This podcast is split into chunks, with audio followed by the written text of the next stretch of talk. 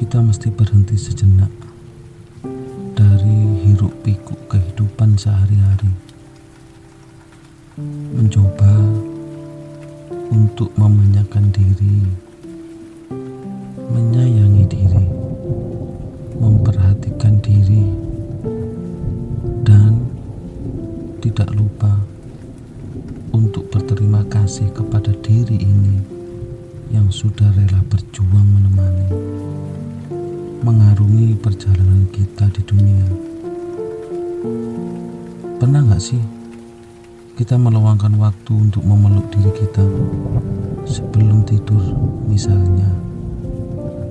Membayangkan hari ini betapa kerasnya kita berjuang, betapa kerasnya kita sakit hati, betapa terharunya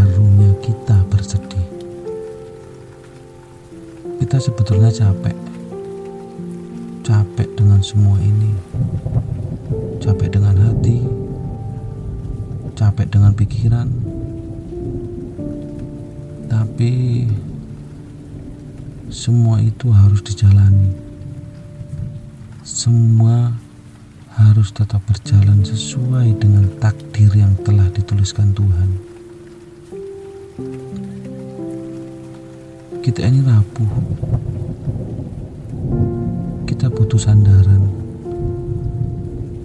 Kita butuh tempat untuk mengungkapkan rasa, mengungkapkan perasaan, mengungkapkan pikiran.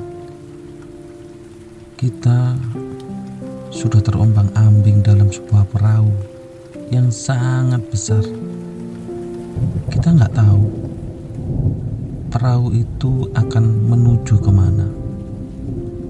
Yang pasti, perahu itu akan bersinggungan dengan perahu-perahu yang lain. Pandai-pandai kita untuk menakodai. Kita sejatinya tak butuh sebuah nasihat, tak butuh tutur kata bijak. Toh,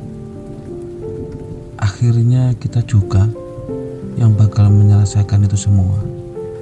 Mencari tangga itu untuk kembali ke puncak.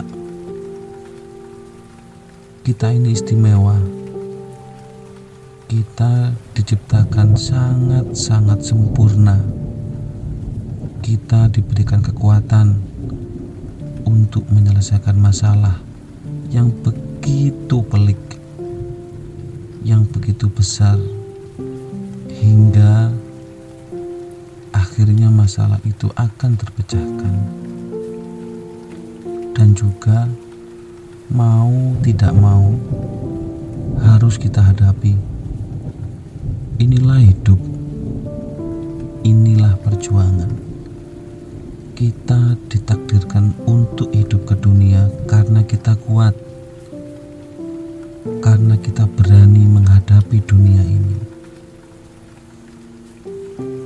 Buat kamu, semangat ya, tetap bahagia, cintai hatimu, cintai dirimu.